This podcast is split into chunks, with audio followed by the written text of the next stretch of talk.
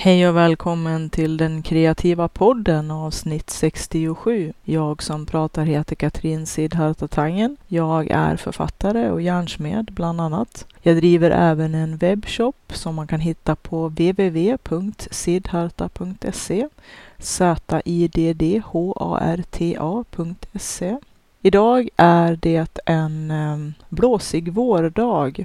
Det är nästan lite höststormar där ute. Vi skriver slutet på maj och eh, den här veckan blir det intensiva förberedelser för våran eh, årligt återkommande blästerhelg. Vi har ju en på våren och en på hösten som är öppen för allmänheten i Helltjärn så att man kan gå in på www.helltjärn.se H-E-L-L-T-J-E-R-N.se och där brukar det stå datum och tidpunkter när vi har våra blästerhelger och när vi smider järn. Järn som vi tillverkar på egen hand utifrån det råmaterial som finns i naturen för den som vet att hitta. Och eh, jag har skrivit en bok om ämnet också som man kan hitta på de stora bokhandlarna men även i butiken på www.sidharta.se. Man kan klicka på länken butik eller shoppa vad jag nu har skrivit för någonting på hemsidan. I alla fall så brukar det vara ganska intensivt den här tiden på året. Då är det mycket förberedelse som sagt. Jag tänker inte gå djupare in på dem. Idag tänkte jag prata lite grann om det här med negativa självtankar eller rättare sagt en uppföljning på tidigare eh, samtal om det här med negativt självprat som jag har tagit upp i en del av mina poddar sedan tidigare. Man kan gå tillbaka och lyssna lite grann om man har lust. Och då ska jag passa på att påminna också om att man kan eh, ladda ner alla avsnitt i podden och själv lyssna när man har lust. Jag är mer en sån person som laddar ner för att binge-lyssna. Och det kan man göra om man reggar ett konto på Soundcloud där den här podden, som den nu i alla fall, ligger och där man kan ladda ner den direkt om man är inloggad. Man behöver inte betala något och eh, det är helt fritt. Då kan man också gilla och man kan skriva kommentarer och man kan också göra spellistor med sina favoriter.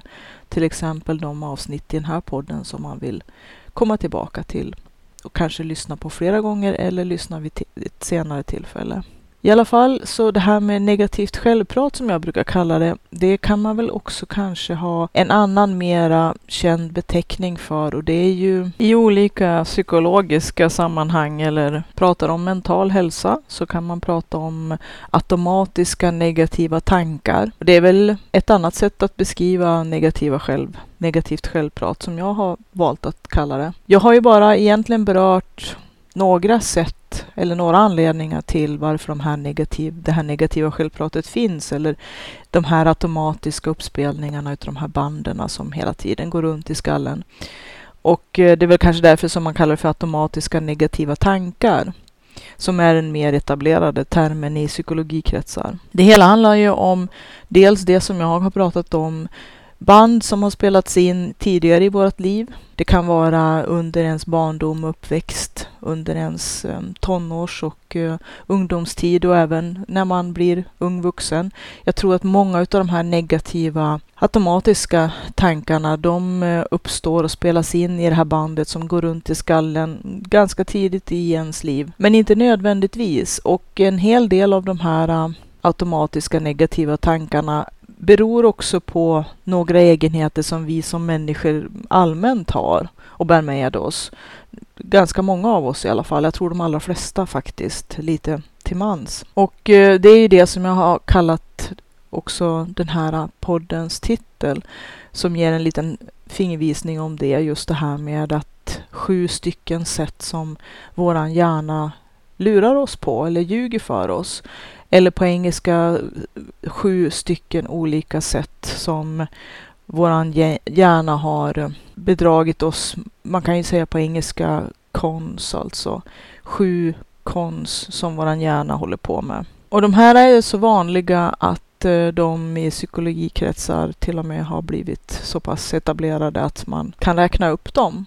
Och eh, då har vi ju lite grann lämnat den här delen utav sånt som vi själva eller andra eller tillsammans har spelat in de här negativa självpratsbanden. Utan då kommer vi in på lite mera allmänna mekanismer som finns i oss själva som människor, som människor, som är ganska mänskliga och Eh, som är så pass vanliga att jag tror att i princip alla har dem till viss del, mer eller mindre. Eh, de ser ganska lika ut för alla. Det som jag har pratat om i en tidigare podd också, det här som vi kreativa människor är extremt duktiga på ofta. På grund av att vi har vår kreativitet och vi har en väldigt bra fantasi och vi har en väldigt bra inlevelseförmåga och är man dessutom kanske empat så har man en del saker som är jättebra och som är hemskt användbart och värdefullt i det kreativa arbetet och när vi skapar. Men det kan också skapa en massa negativa sidoeffekter. Och det här äh, katastroftänket eller himlen faller ner, ljuget som våran hjärna hela tiden spelar upp för oss. Jag tror att många av oss kan identifiera sig med det ganska väl. Att vi har en tendens att läsa in katastrofer, olyckor och djävulskap i nästan vad som helst. Och hela tiden. Och det är ganska utmattande. Men att eftersom att vi hela tiden letar efter negativa mönster, våran hjärna är ju konstruerad så eftersom att från början när vi levde på den afrikanska slätten så var det ju bra att hela tiden ha koll på saker som kunde bli potentiellt farligt och saker som var potentiellt farligt som hade hänt men som vi hade överlevt var det ju bra att eh, komma ihåg väldigt väl. Och det är det som är det tråkiga och som jag också har pratat lite grann i olika poddavsnitt om att vi har ju en tendens att komma ihåg en enda negativ sak så mycket mera och så mycket bättre bättre och så mycket tydligare än 300 positiva. Och det är ju det att våran hjärna är konstruerad för överlevnad Därför så är den också konstruerad att kartlägga negativa eller farliga saker. Och att vår hjärna sysslar med det hela tiden. Även när vi kanske, i alla fall som i vårt samhälle idag, är hyggligt skyddade. Vi lever alla för det mesta under tak, har kläder på kroppen, mat i magen och det finns inga sabeltandade tigrar i buskarna. Det är klart, det finns ju alltid risker. Det är alltid farligt att leva, men riskerna är inte precis lika extrema som kanske då när vi levde ute på den afrikanska slätten när det handlade om kanske överlevnad från vilda och relativt eh, vanliga rovdjur som fanns och att vi var ganska oskyddade. Så det här eh, katastroftänket, det är den första lögnen som våran hjärna, om man nu vill kalla det för lögn, det kanske är lite starkt, men kon, att vi ser katastrofer i vartenda mönster. Om vi har den oturen att Eh, inte se igenom. För att det handlar ju lite grann om det här med våran hjärna. Den försöker hjälpa oss, men ibland är den inte så hjälpsam. Och att se igenom de här mönstren för vad de är värd. Att det är inte en katastrofolycka runt vartenda hörn som den vill hela tiden få oss att tro. Så att första konnen som våran hjärna utsätter oss för, det är att eh, himlen håller på att ramla ner. I princip hela tiden. Nummer två, det är det här svartvita tänkandet och det tycker jag att man mer och mer får kontakt med genom att man får mer och mer kontakt med andra människor via nätet. Jag vet inte om jag kanske har börjat mogna eller om jag kanske har mera kontaktytor ut emot andra människor och eh, har mycket umgänge med människor som man kanske inte riktigt hade förut. Eller jag vet inte, det är svårt att säga. Men det här svartvita tänkandet att vi ofta vill att det ska vara ibland så himla enkelt att man ska kunna dela in allting i svart eller vitt, bra eller dåligt, skitbra oftast eller skitdåligt och för det mesta skitdåligt. Ni hör ju vart det här håller på att barka här någonstans. Igen är det våran hjärna som utsätter oss för det här negativa självpratet eller automatiska negativa tankar. Och eh, det här svartvita tänkandet är ju också ett sätt att hela tiden hamna i det här allra negativaste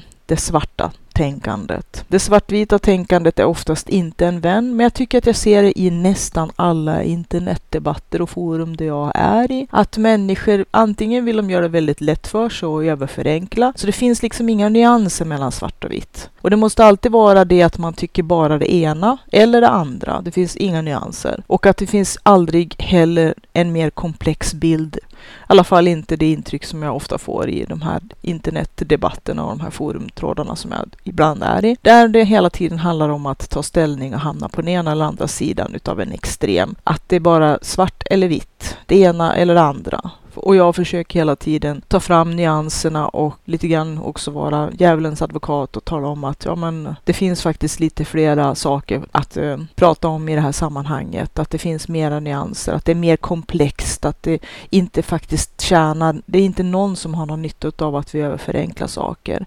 Det är inte bara svart eller vitt. Det är klart det är mycket enklare att tänka bara svart eller vitt. Att det bara är det ena eller andra och att det inte kan vara någonting annat. Men som jag ofta säger, det ena utesluter inte det andra och att vi kanske måste bredda vårt tänk och inte vara så fruktansvärt smala. Det är väldigt lätt att folk leds in eller blir själva inledda av sig själva i väldigt, väldigt smala tankefållor. Och där har vi ju våran hjärna i ett nötskal. Den tycker om mönster, det är också en del i den här äh, överlevnadsutrustningen som hjärnan har fått som ibland motarbetar oss väldigt radikalt. De här mönstren ska helst vara väldigt lättydda. Det handlar om snabba instinktiva reaktioner om man tänker på det här tidigare med att hjärnan hela tiden lär sig att, eller försöker lära sig att identifiera negativa mönster och äh, det här katastroftänket. Det ska vara snabba kast. På det viset så är vi ungefär som äh, antiloperna på den afrikanska slätten. Att minsta lilla så är vi skvätträdda och så ska vi liksom rusa,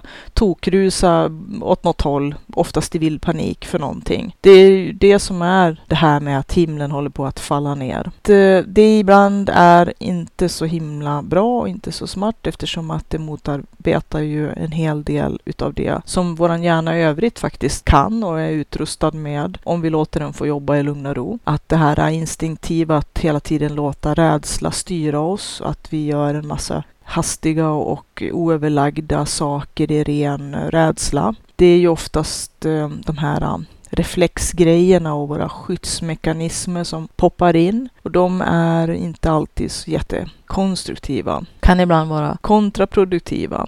Och eh, till och med faktiskt genom att vi inte ger oss själva chansen att faktiskt använda våran hjärna och tänka efter ordentligt så kan den i sig göra att vi hamnar i situationer som inte är så där jättestrålande. Fatta fel beslut helt enkelt. Lättare att fatta beslut utifrån rädsla eftersom att den kommer ju av sig själv instinktivt istället för att låta våra mera kognitiva funktioner jobba. Och det är klart det är lätt att säga, jag vet det. Sen har vi en tredje punkt och det är ju igen, egentligen handlar allt det här nästan om samma sak på något vis. Men det är klart, automatiska negativa tankar eller negativt självprat. Man hör ju redan på definitionen vad det hela handlar om. Bra ändå att analysera och bena ut och verkligen få syn på de här fulingarna som våran hjärna kör med emellanåt för att göra oss oroliga, olustiga och reagera instinktivt oftast. Kanske det kan vara ett sätt för att skydda oss själva från någonting mer, någonting mera komplext än bara den omedelbara faran. Att hjärnan försöker som sagt hjälpa oss att vara snäll men många gånger så hindrar den oss också från en massa bra saker bara för att det här automatiska spåret, den här automatiken, våra skyddsmekanismer klickar in direkt och de motarbetar oss ganska duktigt och rädsla är en av de saker som motarbetar oss värst när vi är rädda hela tiden. Den tredje punkten, det är pessimisten. Den eviga pessimisten som alltid ser hot och är helt och hållet hyperkänslig helt enkelt mot allt som är negativt i varenda situation, överallt, hela tiden. Det finns nästan ingenting som är positivt, eller i princip så finns det ingenting som är positivt. Jag brukar kalla en del personer som har satt, gjort det här till en skön konst för lite ironiskt optimistkonsulter. De kan ehm, döda glädjen i det mesta för att allting är negativt, allting är dåligt, det finns aldrig någonting bra. Och om någonting är bra så kan de alltid hitta någonting dåligt eller negativt att prata om i alla fall för att liksom på något vis bevisa att okej, okay, det är väl inte jättejävligt men ändå, tänk på män och så vidare. De här män, jo men, och så kommer en harang. Vi har ju den här pessimisten som bor i oss själva allihopa, som hela tiden försöker leta reda på alla negativa argument, allting som är dåligt hela tiden. Och det är himla jobbigt att bo inuti en sån pessimistisk hjärna. Vi kanske måste, som på engelska, call one on one's bullshit, alltså att vi måste helt enkelt uh, ifrågasätta och det är väl det som det hela handlar om när det är det här med eh, negativa självpratet och de här automatiska negativa tankarna. Att vi kanske måste helt enkelt peta den där jäkeln mot hörnet och ifrågasätta och inte tro på allting som den här kläcker ur sig. Jag vet inte vad jag ska kalla den här individen. I förra avsnittet pratade jag om den inre kritiken, om Jante Fjante och Bror Duktig man kan ju också ha den här snipiga moraltanten eller den här äh, missundsamma någonting som äh, sitter i en, den här äh, med pekpinnen. Jag hade lite olika figurer i förra avsnittet som man kan hitta sina egna kanske karaktärer så att man kan få syn på dem och det kanske är lite lättare att handskas med dem om de får, vad ska vi kalla det, ett ansikte eller en, en karaktär som vi direkt kan peka och säga att okej, okay, nu är det den och den som pratar inte köpa all skit som den håller på med. Men pessimisten det är en dryg jävel. Det är drygt att vara runt sådana människor och det är drygt att ha den där pessimisten i sig själv. Den tycker jag vi ska ta och eh, skicka på porten rent ut sagt. Nummer fyra, en sak som jag också har pratat om. Nu visar det sig när jag går igenom de här punkterna att allihopa tror jag nästan att vi har pratat om på något sätt i den här podden. Och eh, då kommer vi till perfektionisten. Kan ju också vara en karaktär. Ni får ju klä den personen i vilka kläder ni vill och ha vilken frisyr som helst och vilket ansiktsuttryck och vilket utseende som helst, vilket kön som helst och så vidare. Men det här är ju en individ som vi allihopa har i oss själva och det kanske till och med är oss själva vi pratar om då i många stycken. Att den här perfektionisten, fast jag vet inte jag, det kanske är lite som Bror Duktig. Det är ett skal eller en fasad som vi dels har tagit på oss ibland eller som vi ibland påtvingas eller som vi känner att vi av yttre krav skulle ta på oss eller som krävs av oss eller som det är rätt eller bra eller någonting. Jag vet inte riktigt. Men det finns en massa olika skäl till varför den här perfektionisten också bor i oss bra kompis med eh, Bror Duktig och med eh, den inre kritiken. De kan bilda en egen liten klubb. Perfektionisten, det är en person som är väldigt, väldigt farlig för våran kreativitet. Och eh, anledningen är att den hela tiden faktiskt kan få oss sluta försöka, sluta göra någonting. För att det kan aldrig bli perfekt. Och jag har pratat ganska mycket om det i olika poddavsnitt, just det här med perfektionistens skada. Så att man kan gå tillbaka och lyssna på de poddarna. Och jag tänker inte kanske repetera allt som jag har pratat om tidigare om perfektionisten. Men det här är en farlig typ. Därför att som man säger, det är ju bättre att få någonting gjort än att det ska bli perfekt eftersom att ingenting är och kan någonsin bli eller vara perfekt. Vi kan hålla på och rita ett streck och sudda det tusentals gånger tills pappret går sönder och vi har inte kommit ett steg närmare att få en teckning eller en målning eller en illustration eller vad det nu är för någonting färdig, ever. Perfektionisten, den tillåter oss inte att vara fria. Det är samma fängelse som eh, Bror Duktig försöker sätta oss i, fast eh, nästan ännu lite hårdare. Perfektionisten är också bra kompis med pessimisten, men på ett mycket vassare sätt. För det finns aldrig någonting bra som vi gör. Om man tänker så här, pessimisten den pekar ut alla fel, allt som är negativt åt helsike med allting i resten av världen. Men perfektionisten pekar inåt och pekar på allting som är värdelöst med oss och allt det vi gör. Och det här är ju en otroligt idiotisk individ om man ger den för mycket utrymme. Vi kanske allihopa har lite grann av perfektionisten i oss. I alla fall i vissa delar utav vårt liv eller utav de saker som vi gör. Och det är den personen också som ser till att alla våra halvfärdiga projekt fortsätter att vara halvfärdiga. För att den dagen när de blir färdiga så kommer perfektionisten att vara skoningslös mot oss. Och det är en av anledningarna till att vi avhåller oss ifrån att göra någonting färdigt därför att vi är så himla rädda att vi ska få domen då. Och jag känner sparka ut perfektionisten med badvatten och allt.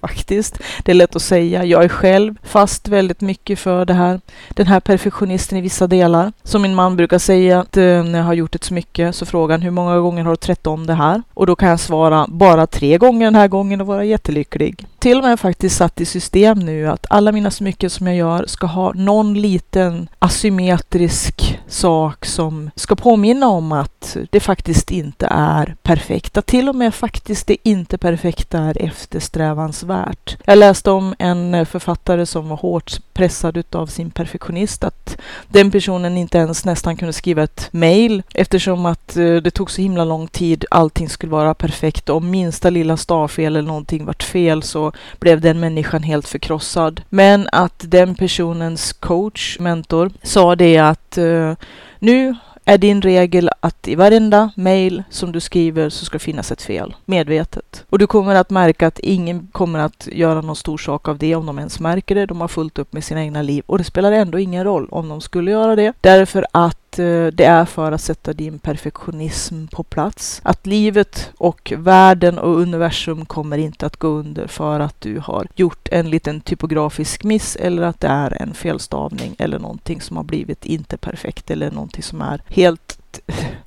rent ut sagt till och med något litet fel har smugit sig in. Eller i det här fallet då någonting som ska sättas i system för att träna på. Och jag har ju pratat om det här med att tillåta sig misstag. Att experimentera är så himla viktigt för att vi ska få ny information. Och enda sättet att komma fram till någonting nytt, det är att faktiskt våga göra misstag, att våga experimentera, att våga göra fel och kunna skratta åt sig själv och kunna ta lätt på det. Naturligtvis, då pratar jag inte om de som jobbar med hjärnkirurgi eller med kärnkraft där vill vi kanske inte ha några misstag bara på skoj. De allra flesta av oss faktiskt, vi jobbar inte med hjärnkirurgi. Vi jobbar inte med kärnkraftverk. Och om vi gör det så kanske vi har faktiskt tillåtelse att vara författare, måla, företagare, entreprenörer, illustratörer, serietecknare, musiker. Ja, vi kan hålla på med någonting på fritiden där vi har rätt att vara antingen glada amatörer där vi får njuta utav att göra någonting som vi tycker är kreativt, stimulerande och som gör oss glada och fyller oss med energi. Kan också vara mera, mera kanske om vi nu ska kalla det för seriösa utövningar utav konst, kultur,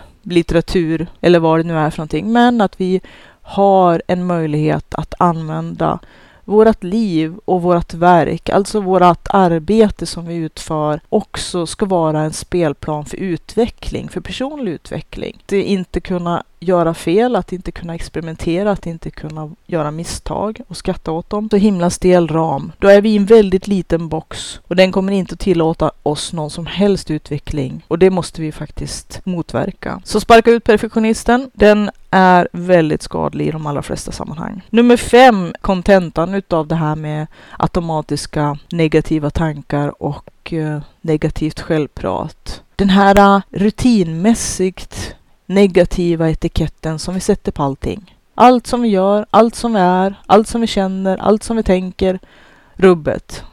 Alla våra egenskaper, allting. Så har vi en negativ etikett. Och den kanske också har blivit om man nu kanske ska tänka det, någon slags cementering utav de här inspelade banden ifrån våran barndom eller ungdom eller uppväxt eller skolgång eller vad det nu är för någonting. Vi har fått en etikett av någon, oftast en oerhört elak och ful etikett och den följer med oss ungefär som Fula ankungen. Om man tänker på den fabeln som faktiskt eh, har en hel del vettigt att säga i sammanhanget om den fula ankungen som växer upp och blir en vacker svan. Att om vi tror att vi är fula ankungen eller att vi får hela tiden veta att vi är fula ankungen, ja, ta dig ifrån den miljön. Men om den miljön är på insidan, att det är du själv som hela tiden klistrar och slabbar på de här fula etiketterna på dig själv, då är det bra att få syn på det och börja jobba med det. Och jag har ju pratat i någon tidigare podd om det här med att vara sin egen bästa vän. Att det konstiga är att vi kan behandla oss själva så fruktansvärt illa som vi aldrig någonsin skulle komma att tänka på att behandla våra vänner. Framförallt inte våra närmaste vänner eller våran käraste familj. Oss själva kan vi behandla så illa. Till och med så illa som vi inte skulle behandla vem som helst ute på gatan som vi inte ens känner. De allra flesta skulle vi vara ganska artiga mot, så länge de inte kanske direkt eh, har kört över våran fot med en bil eller någonting annat fult sådär. Då kanske man kan bli lite aggreverad. Men att de allra flesta människor neutralt i vardagen, vem som helst som vi inte känner, skulle vi behandla bättre utåt sett än vad vi behandlar oss själva inåt. Och det tycker jag är en viktig grej att tänka på. Jag brukar säga att skogen har lärt mig allt viktigt. Det kan faktiskt vara ganska sant. Även om att jag också tycker att det som jag också har lärt mig, som är oerhört viktigt, har jag lärt mig av andra människor. Jag brukar ju, som jag säger, använda och tänka igenom andras hjärnor. Det låter ganska otäckt, men det är väldigt, väldigt, väldigt nyttigt. Det här samtalet med andra, det starka mötet med andra, att kommunicera om det är fysiskt i person eller via online och olika nätverksgrupper eller att träffa personer som, som är likasinnade. Jag har pratat om det också. Men där kan man lära sig en hel del. Men skogen har lärt mig en viktig sak och jag ska berätta om det, den upplevelsen. Jag går ju oftast till min meditationsplats som jag har i skogen, där jag brukar sitta och, och eh, ja, meditera. Det är egentligen bara en öppen plats där det finns också en fallen stock som jag kan sätta mig på och titta ut över skogen. Det är en liten öppen plats. På den här, eh, i kanten av den här öppna platsen så finns det en eh, ett stort träd som har fallit så att det är en, en rotvälta som har funnits väldigt länge och den har ju funnits där så länge att det mesta av jord och stenar har då eroderat bort så att det är bara de nakna rötterna kvar. Och eh, en dag så tittade jag på de här rötterna och såg hur en stor rot höll om den andra roten som i sin tur höll om den första roten. Det är svårt att beskriva, men det var ungefär som ett par som stod och höll om varandra. Men det var ju samma träd och samma rot och då slog det mig att, och det är ju ingen ny tanke, men just precis där och då så var det så tydligt just det här att vara sin egen bästa vän. Att eh, hålla en arm om sig själv, att värna om sig själv. Det är så oerhört viktigt och så himla enkelt. Och det är svårt att beskriva så här i efterhand den här, den här sekunden utav insikt att ja men sjutton så är det ju. Vi måste ta hand om oss själva. Vi måste vara vår egen bästa vän. Och det var det som jag fick som insikt då när jag såg den här roten som höll om sig själv. Väldigt vackert faktiskt. Nummer sex, som de kallar på engelska, The Fortune Teller. Men The Fortune Teller, eller vad ska man kalla det, spå, spågumman eller um, sierskan eller um, ja, jag vet inte riktigt vad vi skulle översätta det till på svenska. Men uh, The Fortune Teller är ingen Fortune Teller, det kan vi i alla fall konstatera. För det här är en person, om vi nu ska kanske se det här som karaktärer i vårt inre, som, som man bör akta sig noga för. Vi kan se dem i vår verkliga verklighet också tänkte jag säga, runt omkring oss. Att det finns ju människor som är the fortune teller. Personer som berättar allt dåligt och negativt, sladder, skvaller och sensationslystnad och andra människor och pekar finger på allt och alla. Och de gör det på det mest negativa, nedlåtande, förminskande och förklenande sätt som finns. Jag tror du känner några stycken sådana. Personen eller den här karaktären kan också finnas i oss själva. Personen är så himla giftig därför att den berättar för dig vad alla andra tycker, tänker och pratar om dig bakom din rygg. Låter det bekant? Den här äh, personen som vi ibland lyssnar på, som bara häller gift i våra öron och som säger väldigt, väldigt negativa och obehagliga saker om vad vi tror att andra tycker, tänker, känner och säger om oss som vi inte vet om eller som vi bara går omkring och är rädda för att de gör. Och här skulle jag vilja säga att eh, för det första, det här är en lögnare i din hjärna. I 99,9 procent av fallen så är det en person som kommer att försöka hitta alla negativa aspekter och en del påhittade också om dig för att göra dig själv osäker. Och man kan ju naturligtvis härleda det här till en massa, åt en massa olika håll. Men att vi går omkring och eh, naturligtvis är oroliga och rädda för att andra ska tycka illa om oss. Det är ju en väldigt mänsklig sak att både göra och känna. Men vi måste motarbeta det här också aktivt och se det här mönstret när det dyker upp. Många gånger så tror vi mycket sämre saker om människor än vad som är verkligheten, det vill säga mycket sämre saker om deras inställning till oss. Och det här kan ju vara naturligtvis saker i våran självkänsla och i vårt självförtroende som talar mest. Inte vad de faktiskt tycker om oss.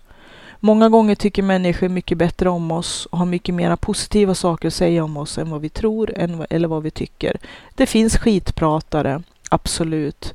Men de brukar vi veta vilka de är för att de brukar göra sig hörda och de märks. Men det är det att vi har en tendens att dra alla över samma kam och att vi tror och tänker eller är rädda att i princip alla gör det här i smyg bakom våran rygg. Och igen kommer vi tillbaka till den här äh, som sätter en massa negativa etiketter.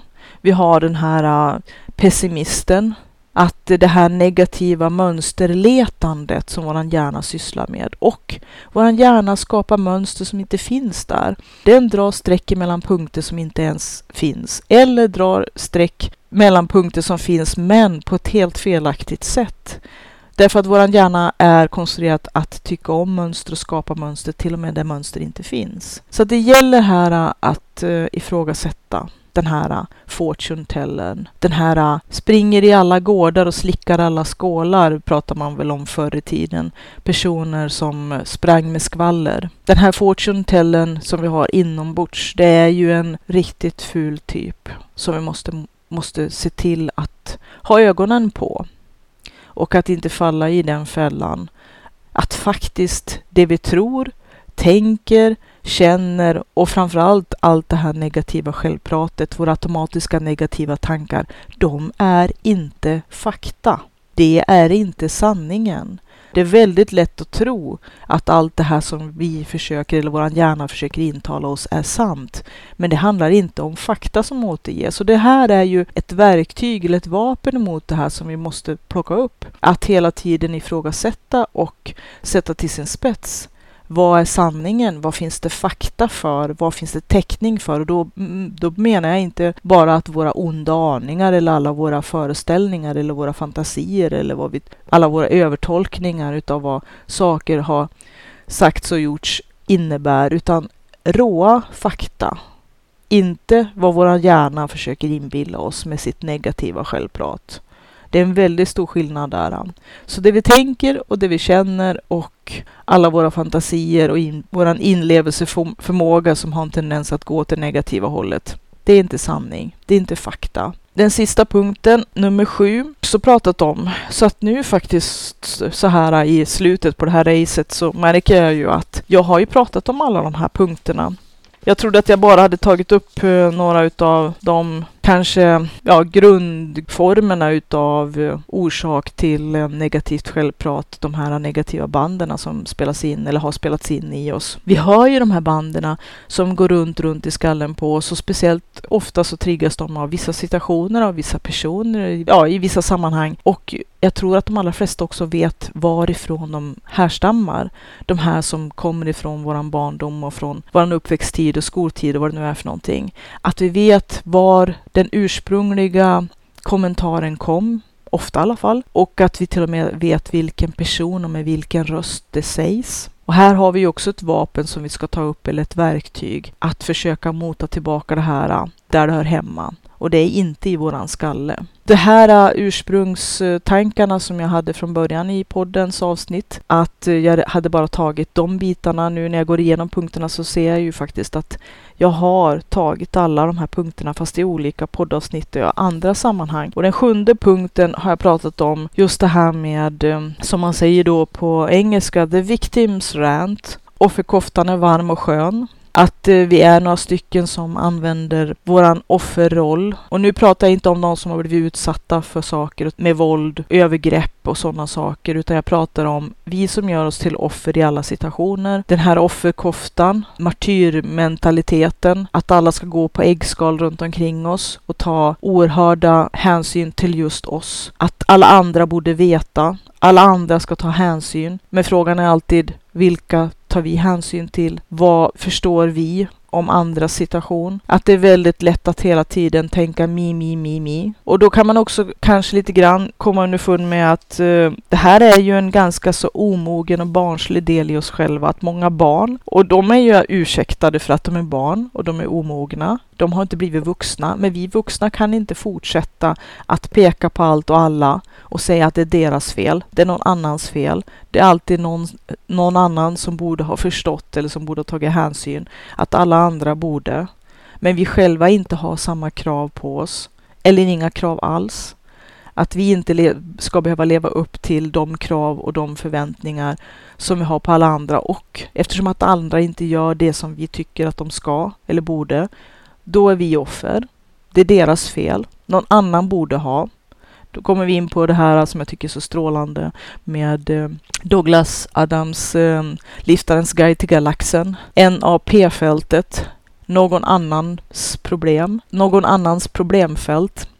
Att det är alltid någon annans problem, inte vårat. Att det är väldigt lätt att rikta allt utåt och göra oss till offer martyrskap. En utav de, ska vi kalla det för, mekanismer som eh, kanske inte är uppenbart tydliga i sin offerkofta eller som martyrer, men som är ett sånt här eh, vapen eller vad man nu ska kalla det som man riktar utåt för att skydda sig från sitt eget ansvar och det man själv faktiskt borde göra. Passiv aggressivitet. Det är nog fan i mig, om jag får säga det på ren svenska, det värsta jag vet. Passiv aggressiv. Att istället för att säga till människor till deras ansikte, att vara rak, att kommunicera, att göra sin del, då är vi passivt aggressiva. Att vi på andra sätt försöker manipulera och få det vi vill ha. Men inte genom att göra rätt, utan genom att forcera andra. Känslomässig utpressning. Och det här kan ju vara både sånt som vi har lagt oss till med som är dåliga vanor, eller sånt som vi har blivit uppfostrad med, att det har legat i våran kultur. Men det är fortfarande ingen ursäkt. Det kan vara en förklaring, men vi är vuxna. Alltså bör vi ta tag i de här sakerna som vi håller på med som faktiskt inte är så snygga. Rent personligt, internt, så är det faktiskt också väldigt, väldigt dumt att vara det ständiga offret. Offret för omständigheter. Att ständigt ha ursäkter för varför. Att det aldrig är rätt läge, man har aldrig rätt förutsättningar och att man hela tiden kan peka på det för att knyta tillbaka till det här med kreativitet. Att vi kanske gömmer oss bakom en massa dåliga ursäkter eller bättre ursäkter. Att vi rationaliserar en massa saker och det låter väldigt logiskt och bra. Och att vi kan skydda oss bakom det istället för att säga Nej din jävel, du ljuger för dig själv. Stå upp för dina drömmar, gör det du ska göra istället för att hålla på och ursäkta bort allting. Göm dig inte utan kliv fram. Ta en bred sida. Du kanske är lite hård här. Jag är ju lite sån ibland. Men ibland kanske man också mot sig själv måste säga sanningen. Sluta göra sig själv till ett offer för omständigheter, för andra människor, för yttre. Att hela tiden hitta yttre orsaker till saker och ting. Det här är ju samma egentligen, fast bara tvärtom. Vi ibland riktar en massa skit inåt, så riktar vi en massa skit utåt också. Och att vi måste jobba med båda delarna. Både det vi skickar inåt, vårt eget budskap internt till oss själv. Att försöka hela tiden. Jag hade ju det här verktyget eller det här tricket att så fort jag tänker en negativ självtanke så utropar jag i, i alla fall i hjärnan, i min tankevärld, kanske inte högt. Det beror på hur illa det är, men just det här, aha, negativ självtanke, negativ självtanke, negativ självtanke. Om man hela tiden poängterar att eh, varje gång man hamnar i de här um, äckelgroparna, att man går runt, runt i de här ständiga samma ni vet, ni har varit där själva tror jag. Alla, de flesta i alla fall har haft de här uh, automatiska negativa tankarna, det här negativa självpratet, förtrycket. Men att det här förtrycket som vi har på insidan, har också en väldigt, väldigt otrevlig um, tendens att kunna även manifestera sig i att vi gör på samma sätt utåt, utåtriktat mot andra människor. Så som vi själva har blivit behandlade behandlar vi andra. Och det är ingen ursäkt. Det finns en förklaring naturligtvis, men igen, vi är vuxna. Vi måste försöka se våra egna problem, äga dem och inte göra samma skit som vi själva har blivit utsatta för mot andra. Att göra sig själv till offer är ju också väldigt bekvämt, för det är ju förstås lättare om man slipper känna ansvar. Att slippa från sitt ansvar är alltid mycket skönare. Men det är lite grann som man brukar säga, det är det att pissa på sig också. Det är varmt och skönt i början, men sen efter ett tag så är det inte så himla trevligt. Mycket av det här ofoget som vi håller på med måste vi sluta med. Men en hel del av det är ju också de här automatiska funktionerna i vår hjärna. En del är inlärt. En del är sånt som vi lägger oss till med för att vi, precis som det mesta i naturen, vi försöker alltid hitta de snaraste vägarna. Det är inte alltid de bästa vägarna. Att ibland måste vi göra oss omaket. Att uh, se saker i oss själva, äga det och försöka göra någonting åt det. Ändra, utveckla, förbättras. Vi kommer aldrig att bli perfekta. Vi kan i alla fall försöka förstå och se en del saker mer och mer. Saker som kan vara smärtsamma också. Det håller jag absolut med om. Och som jag har sagt i tidigare avsnitt också, Om man känner att det här är för mycket att arbeta med på egen hand, ta hjälp av någon som är proffs. Kanske är värt att investera något eller några år i att eh, slita lite i och arbeta hårt med en del saker som kanske inte är jättekul och som är ganska så besvärligt och kanske innebär en hel del arbete. Men om man efter något eller några år kommer ut på andra sidan som en helt ny människa och har bearbetat igenom saker som man kanske har gått och dragit på, en väldigt tung ryggsäck som man kanske har haft på ryggen i många, många år, så kan det ju faktiskt vara som att få ett nytt liv. Och vi lever ju bara en enda gång, så vitt vi vet i alla fall. Och det livet är så värdefullt. Våran kreativa kraft behövs. Det vi har att ge världen är värdefullt. För att vända det här tåget, vad kan vi göra för att eh, hjälpa oss själva och bli bättre också? Vad kan man egentligen göra? Det viktigaste, och som jag kanske också redan har förmedlat, hoppas jag, det är ju att förstå och se och acceptera att dels finns de här äh, mekanismerna i oss och en del är inlärda, en del kanske till och med förstärkta. Men att först förstå och veta att problemet kan finnas och vilka de problemen är och att tankar, fantasier, negativt självprat, automatiska negativa tankar, det vi känner eller det vi tror. Det är inte sant. Det är inte alltid sant. Att försöka hitta en bättre bättre balans i vad vi faktiskt har, fakta och vet och inte bara vad vi tror utan det här kan vara ett vapen att mota Olle i grind så att säga. Också att, eh, som jag har pratat om, hela tiden ha sitt eget, vad ska man kalla det för, vittnesprogram igång. Så fort man upptäcker att man har hamnat i något av de här mekanismerna, att man har negativa självtankar eller automatiska negativa tankar eller att man automatiskt klistrar negativa etiketter på saker och ting, oftast då på sig själv som är väldigt förklenande. Att eh, ha sitt eget inre vittnesprogram som ser det här och pekar ut det.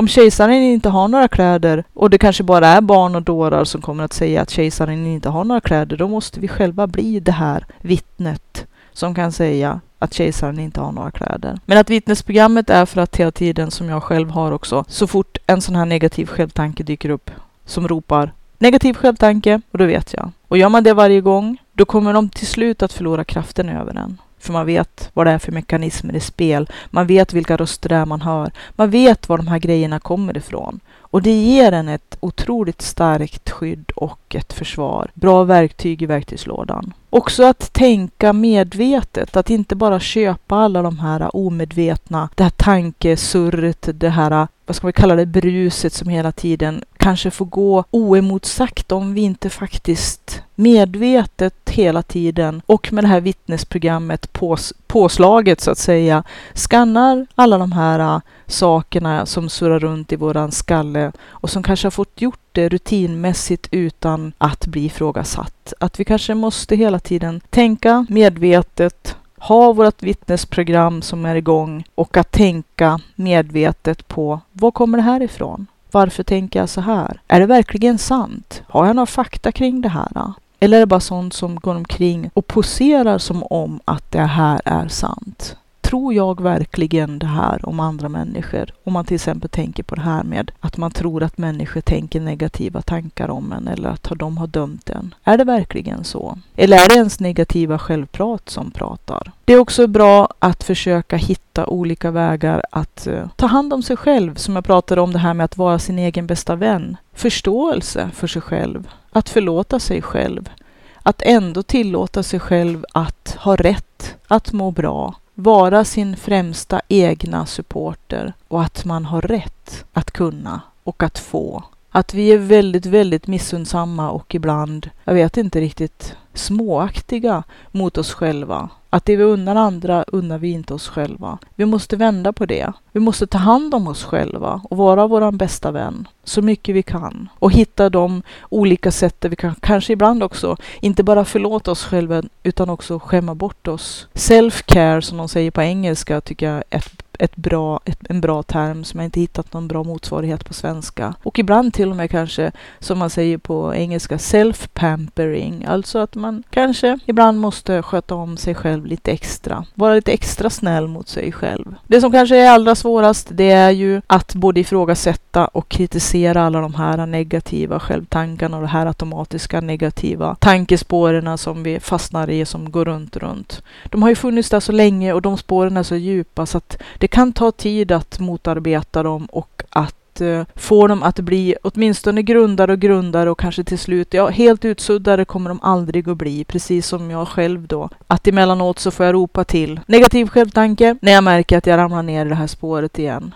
Successivt så kan man ju ta bort mer och mer utav det, minska graden utav negativa självtankar och negativa automatiska tankar. Och det viktigaste verktyget är att se problemet, att få syn på det här. då. För att det är det som är nästan det lömskaste. Det är vår egen hjärna som lurar oss. Sju kons som vår hjärna sysslar med. Kanske inte direkt gemen och elak. Den vill oss kanske inte ont, inte i grunden. Den försöker hjälpa oss, men ibland är den inte så hjälpsam. Och de här automatiska, den här automatiska mekaniken som utvecklades för hundratusentals år sedan när vi levde på den afrikanska slätten. De är tyvärr inte uppgraderade och motsvarar inte moderna människors behov. Och vårt liv är väldigt, väldigt skilt ifrån då när vi var tvungna att vara observant på om det fanns en sabeltandad tiger i gräset. Att varje rörelse, att vi måste se de här negativa mönstren och hela tiden ha en eh, aktiverad negativ syn på allt runt om oss. För rätt vad det var så kunde det hoppa över oss och hugga tänderna i oss. Vi vill inte bli någons lunch. Men nu är det väl för de allra flesta så att om vi lever i hyggligt skyddade omgivningar och inte utsätter oss för onödiga risker, då behöver vi faktiskt inte hela tiden gå och titta oss om axeln.